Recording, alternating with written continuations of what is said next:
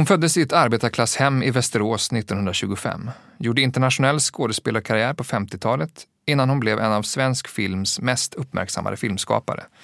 Det här avsnittet av Bildningspodden handlar om Maj Zetterling.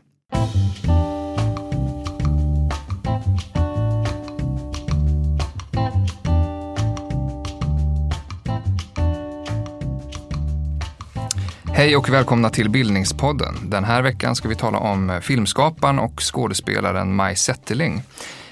Jag heter Magnus Bremmer och med mig här i studion på Stockholms universitet finns två gäster, nämligen Maria Larsson, filmvetare eh, vid Stockholms universitet, som skrev sin avhandling om Maj Zetterling. Och Marek Koskinen, också filmvetare vid Stockholms universitet. Institutionen för mediestudier heter den nu för tiden. Vi är en enhet där och professor där sedan ett antal år, decennier kanske till och med. Nej, inte professor, men därifrån. Tack! Välkomna till Bildningspodden. Vilka ingredienser måste finnas med i en film för att det ska vara en riktig Maj Zetterling-film? Sex. Sex, definitivt. Relationer män-kvinnor, som naturligtvis är en del av paketet så att säga. Uh, samhällskritik, civilisationskritik. Mm -hmm. Mycket civilisationskritik. Ja. Förlossningar. Ja, gärna real time, ja. alltså riktiga saker. Mm. Mm. Um, tillbakablickar. Oh ja, oh ja. Mycket Agnes von Krusenstjerna. Mm. Spännande, vi ska komma in på flera av de sakerna. Hon skulle ha fyllt 90 år i år. Hur, eh, hur ska vi minnas henne, Maria? Uh, genom att titta på hennes filmer. Så långt det går, för det är inte alla som är tillgängliga. Men, men man kan i alla fall försöka se de svenska långfilmerna hon gjorde. Um, man kan läsa hennes uh, självbiografi, Osminkat, eller All those tomorrows. Kan man säga uh, något kort om vad hon har betytt för svensk film? Jag får citera, jag hade anledning att sitta och bläddra lite här, Gunnel Lindblom som ju sen blev skådespelare som blev regissör på 80-talet. Paradis torg var det väl mm. va, till exempel. Uh, hon sa det redan way back att uh, Zetterling banade väg för ja, låt säga skådespelare som henne själv, men kvinnor överlag inom filmbranschen och speciellt i registolen så att säga. Uh, det ska man nog inte förminska i historiskt perspektiv, vikten av det. Va? Nej, det, det var man gärna. Ja, tror jag. Maria, om du skulle göra en kort resumé över hennes viktigaste filmer, när de kom och ungefär vad de handlade om? Ehm, um, filmer som brukar tas upp är Älskande par och Flickorna som hon gjorde på 60-talet. Och Älskande par var hennes debutfilm och är baserad på Agnes von Krusenstjernas Fröknarna från Palensvit från 30-talet. Och den, den, den, brukar man liksom ta upp när man pratar om Maj Zetterling. Och en annan som man också brukar ta upp är Flickorna då. Eh, som handlar om tre kvinnliga skådespelare som turnerar Sverige med en uppsättning av Lysistrate. När kom de två filmerna? 64 och 68. Så man kan säga att det är den första och den sista av de här svenska långfilmerna från 60-talet. Um, ehm, och sen så får man ju se Amorosa förstås. Mm. Och har man möjlighet så tycker jag man ska gå in och titta på dokumentärerna för de är ganska spännande. Om vi skulle tala lite om hennes bakgrund, var, var kom Maj Zetterling ifrån? Hon är född i Västerås Eh, och sen så flyttade de till Australien och bodde där ett tag, familjen. Och sen så, men sen tror jag hon landade i Stockholm. Eh, och hon växte upp i Stockholm, eller eh, ungdomsåren i Stockholm. Och så gick hon på Kalle Flygare och sen blev hon antagen till Dramatens elevskola. Och där så gick hon knappt i skolan utan hon fick liksom vara med i uppsättningar på stora scenen redan från första början.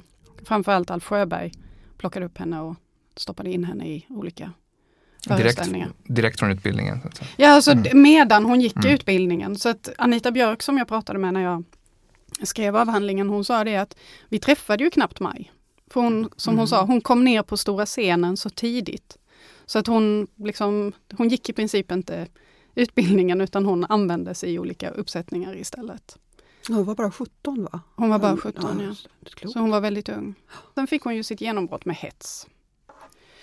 Alltså Bergmans manus som Alf Sjöberg. Och det var ju säkert därför hon fick rollen i Hets också eftersom Alf Sjöberg var lite så här protector. Och den, det, det var ju ett stort genombrott för det var en stor, det var en stor SF-satsning och det var liksom, blev direkt en känd film eftersom den skapade lite kontrovers och sånt. Vilken roll har hon där? Det är hon som spelar eh, tobaksflickan, Berta. som är, vad ska man kalla det, bad girl. Kan man säga ja, en så? good bad girl kanske. Lite gott har hon. Hon är värd åt någonstans att ha en relation till som den unge gymnasisten Ja. har. Eh, han försöker ju rädda henne. Alf Kjellin är det väl va? Som Ja, det är spelar den. Ja, just det. Ehm, tobaksflicka, på, lite så här, mörk dricker för mycket och antytt lite lätt prostituerad också. Mm, mm, mm. Lite Eller promiskuös. Vilket vilket på fall. den tiden var lite samma sak. Och ett offer för Caligula förstås. Ja. Den hemska läraren. Och det är lite, Mm. alltså man får aldrig riktigt veta om, om det här att hon är offer för Caligula, ifall det är det som gör att hon dricker för mycket och är promiskuös. Eller om hon har blivit ett offer för Caligula Mm. och för att hon dricker för mycket och är promiskuös. Det, Mm. det får man aldrig riktigt reda på. Hur bedömdes hon i recensioner och liknande? De var inte helt snälla mot henne för de tyckte att hon spelade över lite och att hon var för grällt sminkad och sådana saker. Sådär. Men på det stora hela så tyckte man ju att det var ett kraftprov. Vilka andra roller ledde det vidare till? Sen spelade hon i eh, en sån här riktig, vad ska man kalla det, en blockbuster, en svensk 40-tals blockbuster som hette Driver dag faller regn. Som var baserad på en sån här bästsäljande roman med samma namn. Eh, och sen så spelade hon i Iris och löjtnants hjärta och så vidare. Men hon försvann ganska snabbt till England. För engelsmännen de skulle spela in en film som hette Frida och Frida skulle handla om en tysk flicka som räddades ur, eh, nej, räddade en brittisk soldat ur ett fångläger i Tyskland och som han sen tog med till England efter kriget. För liksom, han kände en skyldighet att ta hand om henne. Och de ville, engelsmännen ville inte ha en tysk skådespelerska. Det var så här lite känsligt. Så de valde en svensk istället och då valde de Maj Zetterling. Och då började hon göra film i England. Så att de, det sista hon gör i Sverige på 40-talet är väl Musik i mörker. Och Nu börjar livet. De två är från 48. Men de är liksom, ja, de är de hade premiär efter hon hade lämnat Sverige för England. Och så är hon i England. Sen, hon emigrerar till England och stannar där. Och det är i England som hon blir regissör. Ja, det är i England hon bestämmer sig för att hon ska börja regissera och det är i England hon gör de första, eller det är ju inte i England men det är via BBC som hon gör de första dokumentärerna. Som hon gör för att hon tänker sig att hon ska lära sig hur man gör film. Eh, och Vad handlar de om? de handlar om samer i Sverige, de handlar om eh, romafolk i Camargue och de handlar om islänningar och de handlar om svenskar. Det svenska välfärdssamhället. Mm. Det är lite lustigt, det är liksom de här olika grupperna eller liksom människorna som lever på marginalen. För jag menar Island får ju också sägas vara lite sådär utkastat i havet och så, och så är det svenskarna. Hon exotiserar på något sätt svenskar. Ja. Och ser dem utifrån, det är jäkligt intressant. För hon, eh, hon flyttade egentligen aldrig hem till Sverige. Hon bodde senare i Frankrike Nej. fram till sin död. Ja. Eh, Hur, England och Frankrike. Hur, var eh, hennes relation till Sverige? Komplicerad kanske man kan säga. Hon eh, Alltså hon flyttade ju aldrig hem igen och så försökte hon göra film i Sverige. Eller jag menar hon gjorde ju film i Sverige. Men, men, eh, men det är som om dels så har hon liksom på något sätt tappat den där känslan för vad är det som händer här hemma just nu. Och det gör hennes filmer kanske mer europeiska än svenska. Eh, vilket folk hade lite svårt för.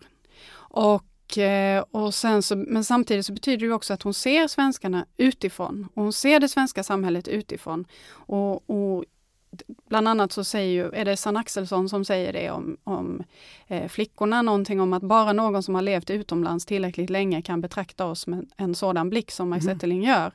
Ehm, ehm, så att hon får liksom en distans och observerar svenskarna på lite avstånd.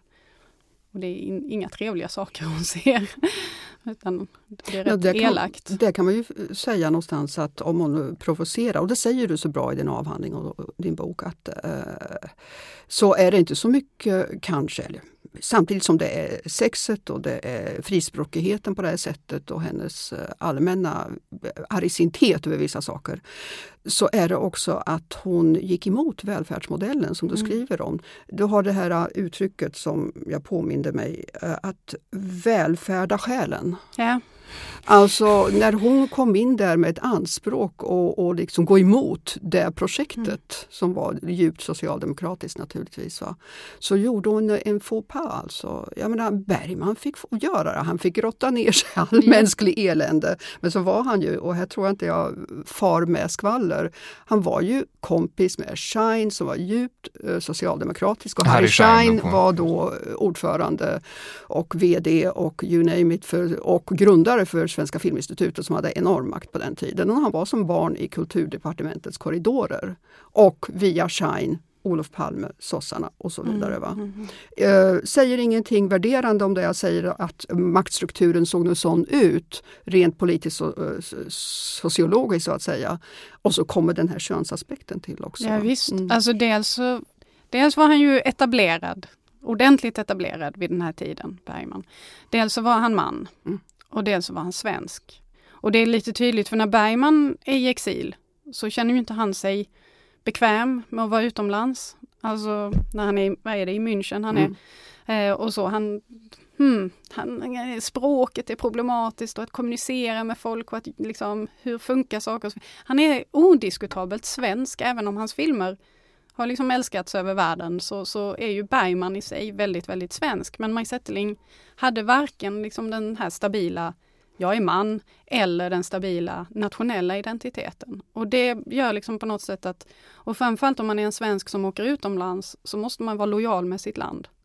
För vilka reaktioner väckte dokumentärfilmerna i Sverige? Alltså den här The Prosperity Race, den som handlade om den svenska välfärdsstaten, den väckte ju, den, ja, den väckte någon slags ramaskri. Den blev väldigt, väldigt kontroversiell och framförallt bland svenskar som levde utomlands i England och som såg den liksom när den visades på engelsk tv. De tyckte att det här var, Zetterling gör en nidbild av Sverige och det här är bara samma gamla klichéer och alltså om att svenskarna är promiskuösa, att svenskarna tar livet av sig, att svenskarna dricker för mycket och så vidare. Men det Maj Zetterling vill komma åt är ju inte riktigt och det är lite problematiskt för det är en kritik mot Sverige som har kommit från höger.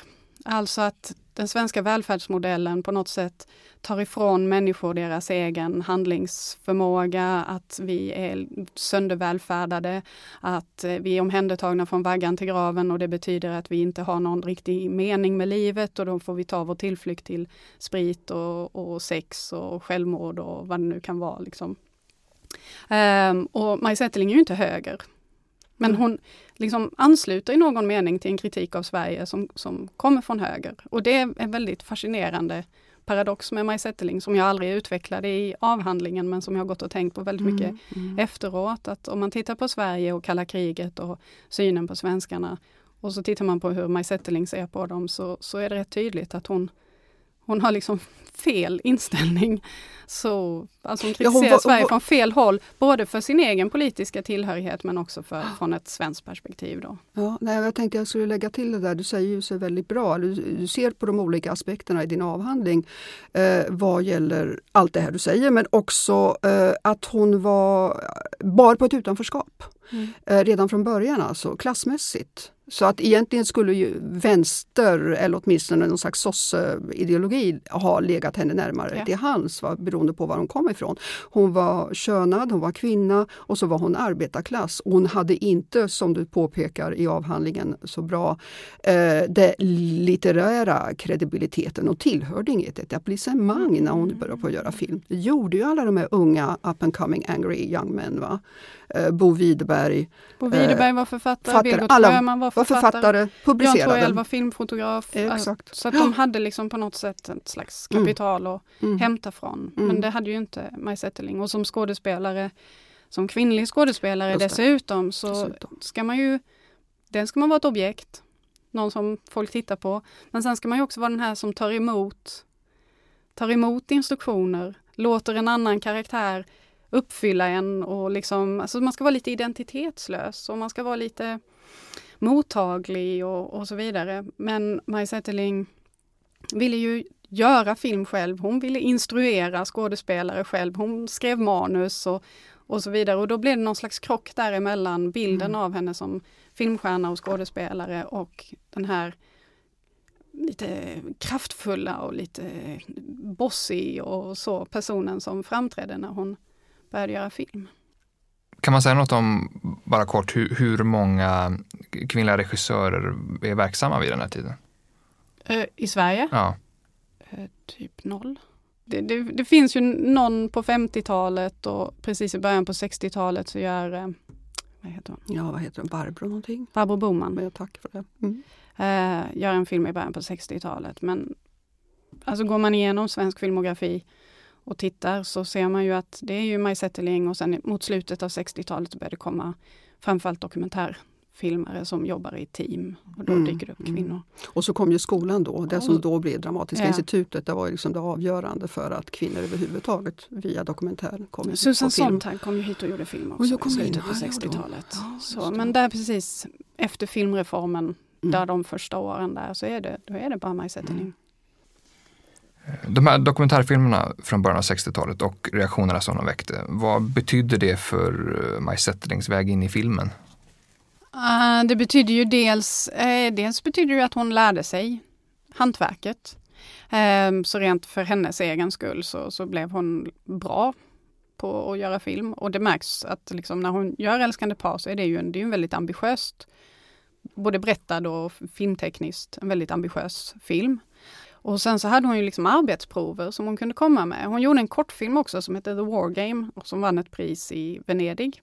Den blev som, ja, som ett arbetsprov, som en inträdesbiljett. Och Rune Waldekrantz som, som blev producent i Älskande par, han sa ju att han hade sett The War Game och tyckte att den var bra. Så att han, var, han tvekade inte på den punkten att hon skulle kunna göra det. Älskande par är långfilmsdebuten från 1964. Mm. Hur togs den emot? Den togs emot positivt. Eh, Chaplin skrev negativt men alla de stora dagstidningarna och så skrev väldigt positivt om den. Och det roliga med det är ju att när de skriver om eh, när de skriver positivt, som de gör om älskande par, så tar de allihopa upp att hon är kvinna.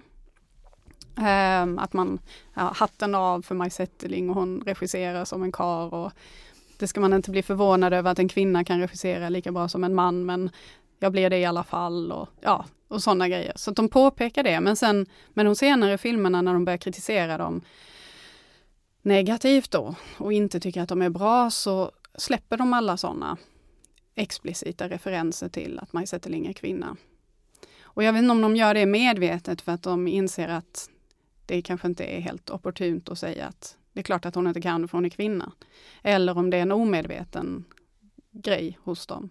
Men vad de kritiserar hos henne kan man ju se att det är saker som har att göra med att hon är kvinna, det vill säga att hon är osjälvständig, att hon bara kopierar andra, hon imiterar olika förebilder och att hon eh, brakar på, att hon inte har någon känsla för proportioner, att hon inte är subtil och så vidare och så vidare. Så att någonstans är det könat i alla fall, det är bara det att det är det på ett implicit sätt.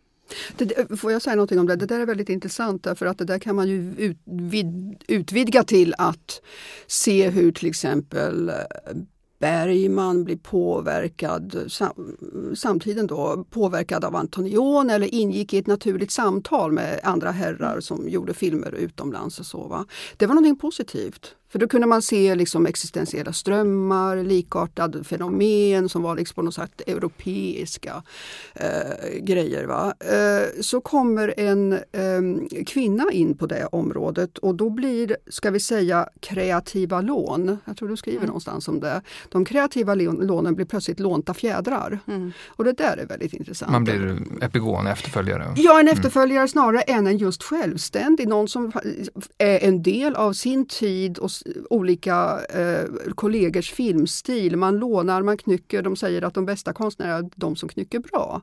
Jag menar som verkligen skriver in sig i en given tradition. Men då plötsligt så blir upphovsmannaskapet blir då eh, degraderat i mm. det här fallet. Just i en tid, ironiskt nog, när autören stod som högst. Autören står som högst så liksom tar man bort hennes betydelse av att vara just autör. Men jag undrar om, det, om inte det hade med saken att göra, att eftersom autören står så högt så blir hennes anspråk. Hennes och, anspråk ja, blir, ja. Det, blir, det blir för mycket och mm. för att bevaka den här höga positionen hos autören så är man ju på något sätt tvungen att slå ner på allting som man inte tycker. Det är en uteslutningsmetod. Ja. Av någon, alltså för att som, göra något mm. mer exklusivt och finare så måste man liksom så här, mm utesluta och trycka Just. bort sånt som, bortval. som För de kommande filmerna, Nattlek och Flickorna, 66 och 68 väl, ja, får ett mycket mer kritiskt eh, mottagande. ja, det får de. Har det att göra med hennes genomslag? Alltså jag tror, dels så tror jag att en sak som spelar in, nu tycker jag att Nattlek är den av hennes filmer som är svagast. Eh, men sen så är det, har den en manlig huvudroll. Och jag tror också att det spelar en roll där i mottagandet av Älskande par och Nattlek, att Älskande par handlar om kvinnor. Så då blir det en kvinna som berättar om kvinnor ur ett kvinnligt perspektiv.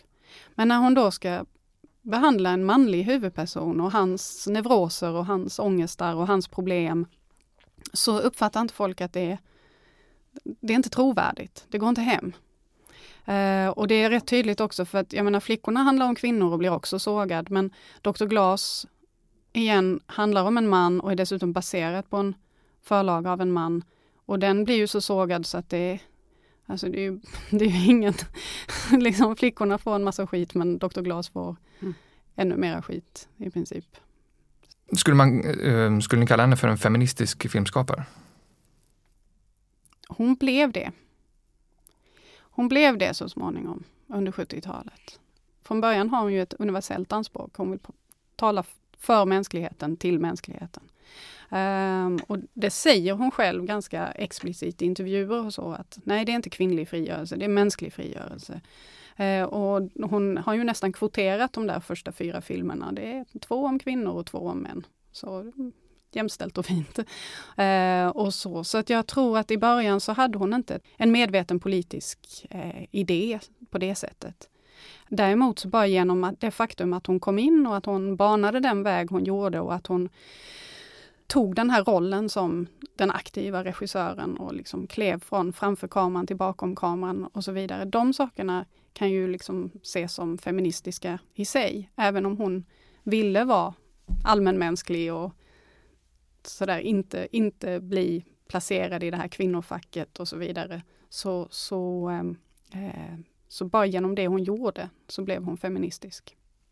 Ja, man var inte rädd just det som var det provokativa och det ohemula på sin tid, får jag för mig, lite fördomsfullt, att ta sig, som vi sa, just de anspråken. Och säga, ja men den här genomlevda erfarenheten, den här erfarenheten, 50 procent, som kanske inte har gjort sig anmäld på svenska filmdukar utöver när Bergman eh, han behandlade kvinnospörsmål, vilket han gjorde då också. Eh, eh, att hon tog sig de anspråken att göra det med kraft Mm. och ställa sig bakom kameran. Va? Och, och som du säger, hon var inte en teoretisk person. Nej. Eh, utan hon skulle inte ha liksom eh, satt ideologiska eh, lappar på det där.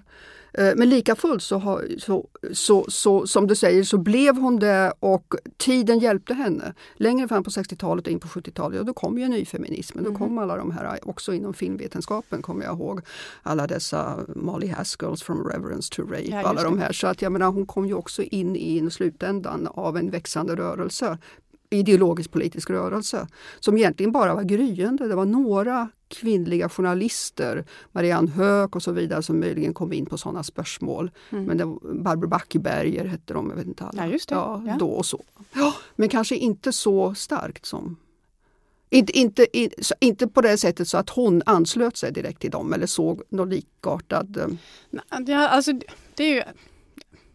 Det, det där är ju så svårt. Ja, är ju hur, hur definierar Mm. man feminism och hur kan man... Och jag kan ibland tycka att Maj Zetterlings 60-talsfilmer, sådär, man trycker in dem lite grann i en feministisk mall för att man vill så gärna att hon ska vara en feministisk filmskapare.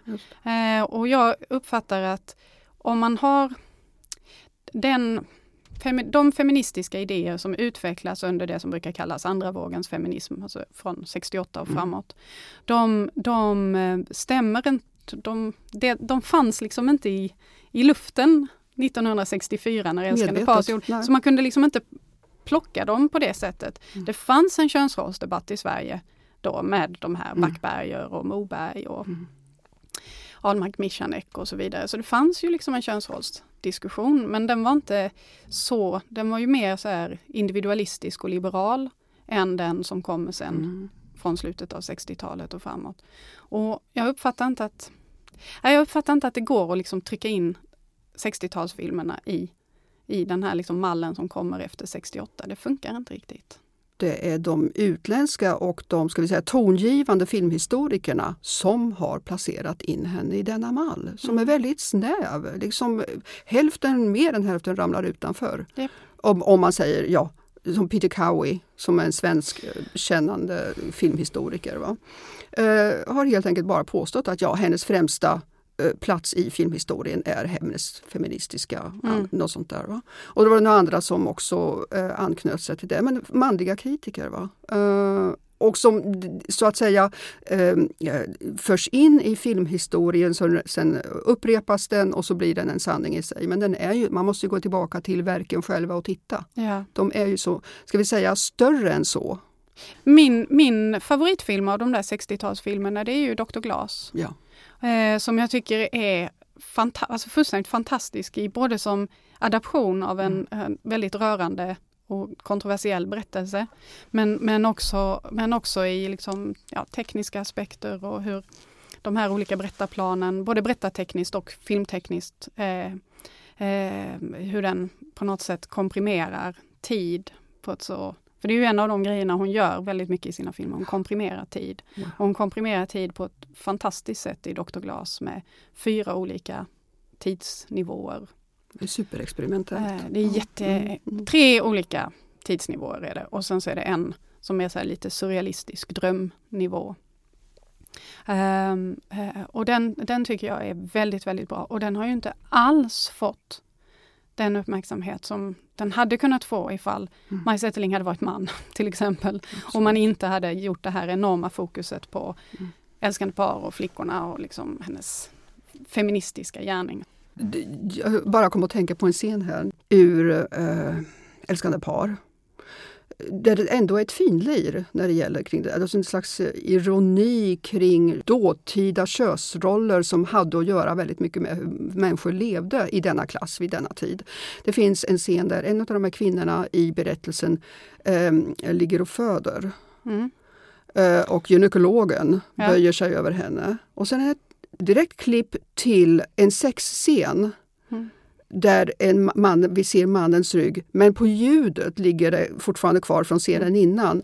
Där, där mannen säger Jaha, nu var det klart. Det var väl, det var Det, väl gjorde väl, enkelt. inte- det, gjorde väl inte alls ont? Just det, det var lite ont. Så, ja, det, alltså bara i det enda klippet som Mm. är ett sånt här tidsklipp, men så finns det också en, ska vi säga, en idé med den. Det är ju att, ja, så enkel eh, var sexualiteten för just dessa män som var tillsammans med dessa kvinnor. Och det är därför de blir så frustrerade. Och det är därför de, de sitter fast i sitt biologiska öde på något sätt. Ja. Så hela tiden finns den här återkomsten, cirkulariteten mellan sexualiteten, akten och det som kommer ut ur den, nämligen barnet. Ja. Och så börjar allting från början en gång till. Och hela filmen slutar ju med en födsel. Så Ja, att, just jag det. menade hela den. Och det finns med i Dr. Glas också, för där har de de här eh, korta scenerna där är- det är en man som står och kissar mot ett plank. Och så skakar han av och sen så ser vi, eh, vad heter hon, Helga heter hon, var pastorns fru. Mm. Hon ligger och föder, liksom, och man ser hon skriker och pannan är svettblank och sånt där. Mm. Och så, så att då kopplas det här liksom skaka av lite sådär. Ja, lite så lätt. Ja, och Ja. så säger de någonting och jag tror de säger det både i Älskande par och Dr. Glas, någonting om 30 sekunders nöje, 30 års plåga Mm. eller någonting. Just det. Och så, så det, är, ja, det är en väldigt, Mm. Ja. Huh. Huh, ja. Men hon har blick för det där. Ja, hon har Hon verkligen blick för det. Ja. Visst fick hon mycket kritik för det som ibland kallas för hennes eklekticism, alltså Mm. en stilblandning. Vad, var, vad var problematiskt med det i 60-talets filmlandskap? Alltså dels så rör ju sig filmer allt mer under 60-talet, allt mer mot någon slags realism och dokumentärt berättande. Och Maj Zetterlings lite teatrala och symboliska berättande skar sig då mot det här mer Ja, alltså man, man kan ju jämföra Jag är nyfiken-filmerna Mm. och Flickorna. Det, det funkar väldigt bra på många sätt för de handlar både om Sverige vid den här tiden och har de här olika berättarnivåerna och så vidare. Men samtidigt så har ju Nyfiken har ju det här liksom relationen till någon slags dokumentärt självreflexivt berättande Mm. medans Flickorna är ju liksom väldigt tydligt iscensatt Mm. hela vägen. Så, så dels det kritiserade man och liksom tyckte var besvärande och jobbigt. Eh, och sen lite som Bergman blev kritiserad för att vara teatral Mm, och sånt där. mm. Maj Settling hade också det här teatrala.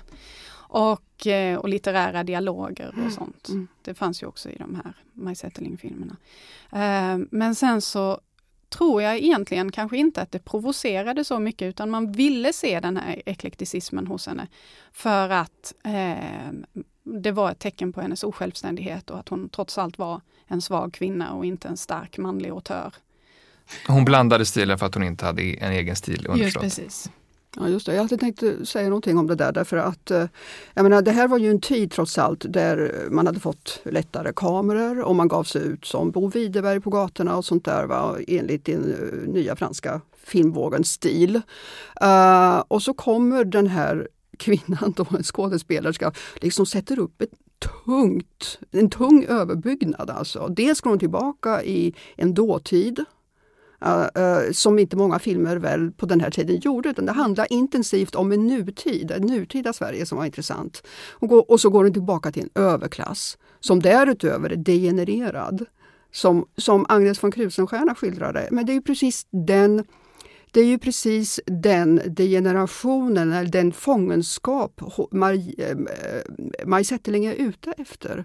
Inte att beskriva en nutida, för henne nutida, eh, ett Sverige, utan vara intresserad av just den här sidan av saken. Och jag, jag kom att tänka på att jag faktiskt Anno Dassumal, mycket länge sedan, faktiskt tror jag 1984 och 1983 så var det någonting som hette kvinnofilmsfestival här i Stockholm.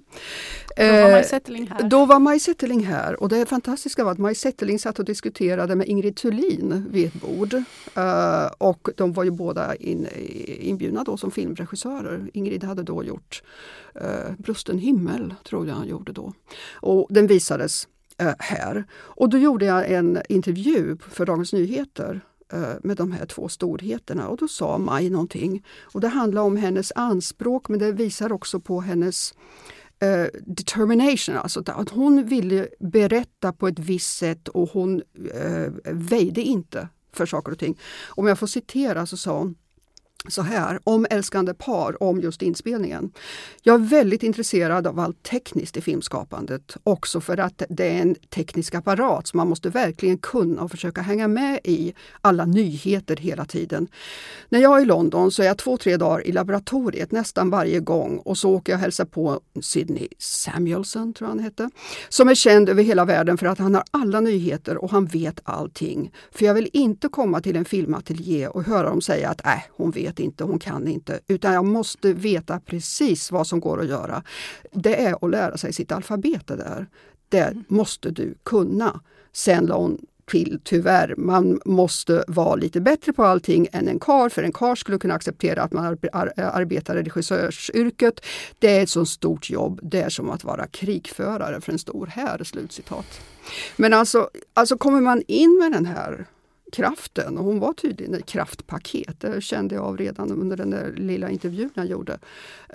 Så förstår man att hon var provokativ mm. på olika sätt och kanske trampa på dåtida låt säga, potentater inom svensk filmindustri. Jag vet inte, men jag kan anta det. Och det, där, det, det här, någonting som har med det här att göra också och det är konkret exempel. Eh, hon har ju ofta eh, kommit tillbaka till Maj Zetterling eh, och vi har ofta använt det i undervisningen när hon säger, sa till filmteknikerna då, ja, men jag vill ha en åkning runt ett träd här. Mm.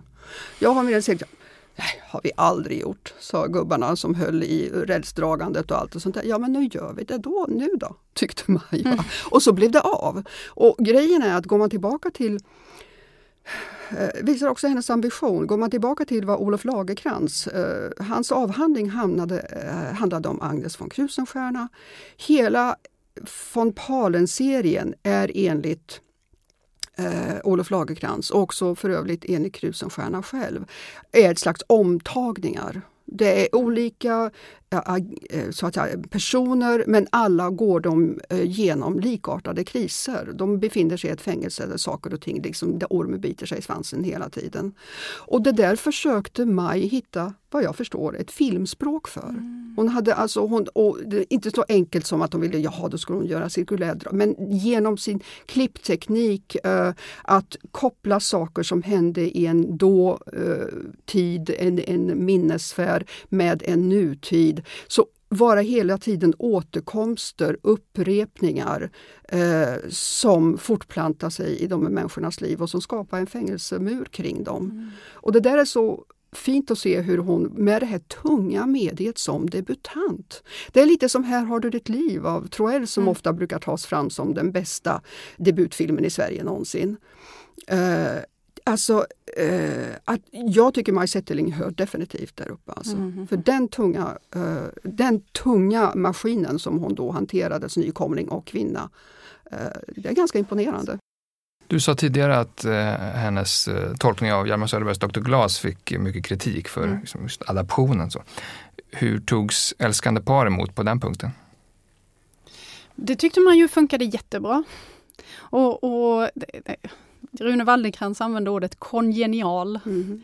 Ehm, och, och, både att man uppfattar väl något slags temperamentsmässig likhet. Ehm, eh, men sen är det ju också naturligtvis att, en, att som kvinna adaptera en kvinnlig författares material känns ju också, det är ju också kongenialt då i, i någon bemärkelse. Så nej, det, det var man nöjd med. Det var en som protesterade. Mm.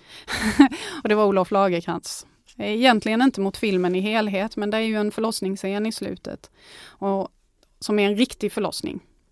Eh, och när barnet liksom kommer ut, nästan halkar ut liksom, så eh, zoomar Zetterling in på det här nyfödda barnet med navelsträngen och det är så lite glansigt, och, glansigt och mm. kladdigt av fosterfett och fostervatten och, och så. Så zoomar hon in på det och så fryser hon bilden och så är det eller det är någon slags ram, hon zoomar inte utan det blir så svart runt om. Så ja, barnet kommer i... Morb, det är väldigt morbid på det sättet. Ja. och så fryser bilden och så är det mm. slut. Um, och Lagerkrantz tyckte att det var för, vad ska man säga, för konkret. För att Agnes von Krusenstjerna var liksom lyrisk och metaforisk och, och, och, och, ville liksom inte ha, verklig, menade han, verkligheten så tätt inpå liksom, som den här sista slutbilden mm. i, i filmen var. Eh, och jag håller ju inte med Lagerkrans där. Alltså jag tycker att Agnes von Krusenstjerna var rätt köttig och nära verkligheten. Men, men det tyckte han var det gillade han inte. Men det var det som kritikerna, också Olof Lagercrantz naturligtvis med sina speciella glasögon eftersom det handlar delvis om hans egen släkt och sånt där. Va? Uh, vad jag förstår, Hamiltons och alla de här. Um, var blinda för. De såg inte det nyskapande i det. Va? Alltså, jag menar, det är en briljant slutsekvens. Dels därför att den är uppenbarligen helt uh, dokumentär. Mm. Det är liksom, man kan inte fejka en föd, födelse, födelsescen på det sättet.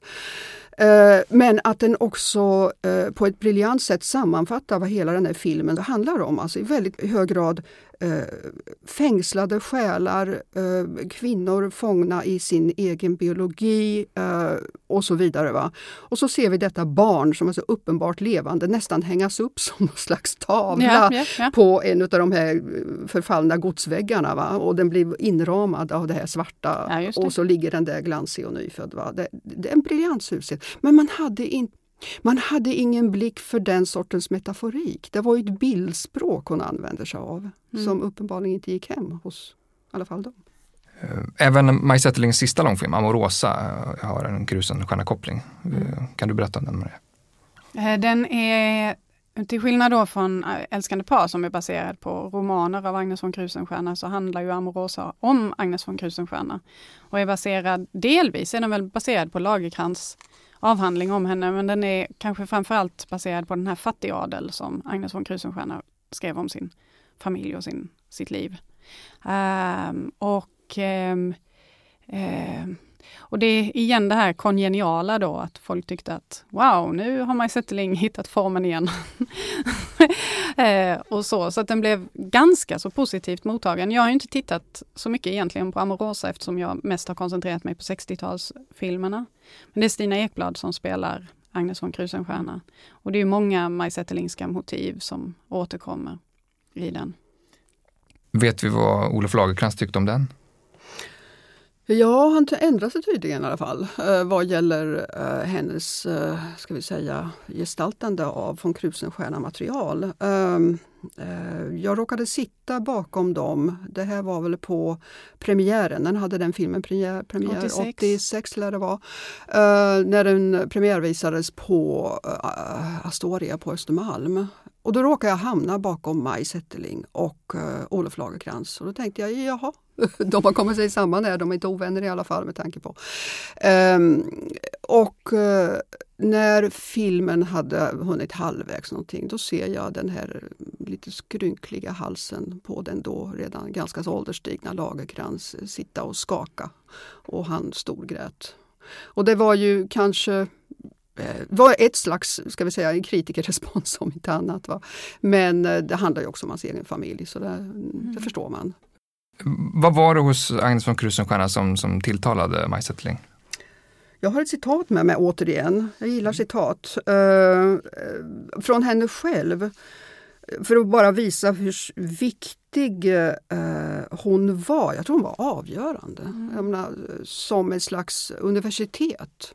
Hon säger så här att hon gillar hennes kritik, alltså, citerar, kritik av olyckliga äktenskap, skenhelighet i familjelivet, kyrkan, krig, män och alla de samhälleliga och sexuella problem som kvinnor står ut med i sitt dagliga liv. Slutcitat. Och så kände hon sig även befryndad med von Krusenstjernas litterära stil. Och det är det jag menar med att hon försöker att hitta en filmisk motsvarighet mm. i denna stil. Men då säger hon så här. Hon skriver lyriskt, ibland sentimentalt, vuxensagor som ofta förvandlades till skräckhistorier. Hon skrev om kvinnors smärta när de ville leva på ett autentiskt sätt. Jag sympatiserar helt och hållet med Agnes. Hon kallar henne alltid Agnes. Någonstans sa hon väl eh, jag, Maj, du, Agnes. Yep. Alltså ser nästan ingen skillnad på Agnes von Krusenstjernas författarpersona och hennes egen persona. Och det tycker jag man ser också i Amorosa. Mm. Hur så att säga det ena bland, väver sig in i det andra. Det vill säga när hon gör Amorosa, då använder hon naturligtvis av Agnes von Krusenstjernas romaner, hon använder sig av Olof Lagercrantz avhandling, det är alldeles uppenbart. Men jag tror hon använder sig väldigt mycket av sin egen film Älskande par. Så det är lika mycket jag Maj mm. som finns i Amorosa som det finns du Agnes. Mm. Men är det inte någonting också med den här liksom överdrivna, bedagade borgerligheten eller överklassen som, som återkommer i en film som Nattlek också till exempel? Maj Zetterling hade väl ingen egen erfarenhet av den typen av miljöer från sin egen uppväxt? Så. Nej, det är det som är lite fascinerande att hon kommer från liksom, arbetarklass. Lite udda, kanske till och med lite bohemiskt. Jag tror hennes mamma brukade gå i herrkläder. Mm -hmm. Mm. Så att liksom lite sådär annorlunda eh, bakgrund. Eh, men, men att hon attraheras så av de här överklassmiljöerna och den övre medelklassen. Och I Dr. Glas är ju, han är ju läkare och och så. Så att, att hon, hon verkligen dras till dem. Och jag tror att det har att göra med att hon ser dem just som en möjlighet att berätta om den här skenheligheten och att man är fångad i strukturer och att man håller en god min i elakt spel och att liksom det, det, funkar som en sån väldigt, väldigt bra metafor för de saker som hon vill säga. Så att egentligen, man kan ju säga att hon skildrar aristokratin och överklassen och så, men det hon vill åt är kanske just det här med liksom det bekväma livet, det oärliga livet. Hon vill, hur, hur man kommer åt den där autenticiteten fast man är fången i, i de sociala strukturerna och så vidare. Det är det mm. hon vill åt och det har hon kunnat göra med, jag vet inte, djur på sol. Alltså, men nu har hon valt överklassen för att det fungerar som en sån väldigt bra metafor för det. Men och hennes eh, kritik av folkhemmet och överklassen liknar varandra lite grann? Ja, ja jo, men det är mm. samma sak. För att problemet med folkhemmet eh, och välfärdssamhället är ju att det har gjort människor för bekväma. Alltså jag tycker autenticitet, eller hur det nu var i det mm. där citatet, mm. det var så himla för att Maj Zetterling letar ju efter det som gör oss till levande människor. Och det är väldigt tydligt i dokumentärerna att hon tycker att samerna har någonting som gör dem till levande människor och eh, eh, romafolket i Camargue har också någonting som gör dem till levande människor. Och islänningarna har någonting som gör dem till levande människor, men svenskarna, de har det för bra. De blir inte levande människor för de utmanar sig inte. De liksom de tvingas inte att samarbeta och de tvingas inte att liksom rycka undan mattan under fötterna på sig själva och, och sådär som, som de här andra människorna gör. Eh, och då förlorar de det här autentiska. Mm. Och eh, det, det, ja. Så överklassen passar väldigt, väldigt bra för de här den här kritiken av välfärdssamhället, civilisationen, moderniteten, bekvämligheten, det materiella. Och därför är det så synd att de läste, att hennes filmer från början, eller speciellt då, dåtiden, läste de så platt. Mm. Att man inte kunde, men då fann, befann man sig just i den tiden så att det, det är inte sin egen tid man ser i första hand i dåtiden. Det är väldigt svårt att göra det. Men nu i efterhand så kan man se det precis som du säger. Alltså. Ja. Om vi vänder på det, vad hos Maj Zetterling är som mest aktuellt idag? Eh, det visionära. Jag tyckte hon var före sin tid. Du nämnde Dr. Glas, den är fortfarande före sin tid. Alltså, verkligen. Um, Eh, Eh, kvinnoperspektivet som hon pretenderar på var allmänmänskligt. Eh, den politiska blicken som hon säkert inte det kommer från någon ideologi utan någon slags genomlevd erfarenhet. Eh, hennes lust för experiment och, och, stilistiska utfärder som en del tyckte var barockt och liksom bara too much all over the place. Men att, att jag tycker det finns också en lust för genreblandningar. Just det där att hon kunde göra film om så många olika saker mm. i så många olika format och så. Och det tror jag inte bara kom av eh, nödvändighet utan hon hade en lust att göra det. Hon hade någonting att berätta. Om man inte sett någonting med Maj Zetterling, vad ska man börja med? Ja, då får man nästan börja med flickorna. Jag ja, tror det, är, det är liksom mm. Alltså ska man ha sett en Maj Zetterling-film mm. så bör det vara Flickorna av ren konventionalism eller vad mm. man ska säga. Mm. Sen är ju jag svag för Dr. Glas. Ja, man läser boken och sen ser filmen ja. och ser vad hon gör. Ja. Mm. ja. man får nog läsa boken. Alltså för den, åh, det är en sån mm. illustration av det här, mig gick livet förbi. Mm. Alltså det här vemodet som finns i Dr. Glas, mm. den är ju så sorglig. Man vill bara gråta när man har läst den. Och det är samma sak med filmen och Per Oscarsson gör det mm. beautifully. Alltså han är jättefin i den. Så, så den är jag svag för, men den är svår att se. Den finns inte på DVD. Eller, Svårt att få tag på. Den är nästan mm. omöjlig att få mm. tag på. Mm. Flera av filmerna finns på Youtube har jag noterat. Mm. Så Aha, det är bara okay. att börja någonstans. Mm. Tusen tack för att ni var med okay. i Bildningspodden. Tack så mycket. Och tack för att ni har lyssnat. Vi är tillbaka om en vecka. Du har lyssnat på Bildningspodden, en podcast från humanistiska fakulteten vid Stockholms universitet. Producerad av Magnus Bremmer och Claes Ekman. Podden spelas in på Språkstudion och tekniker är Henrik Nordgren.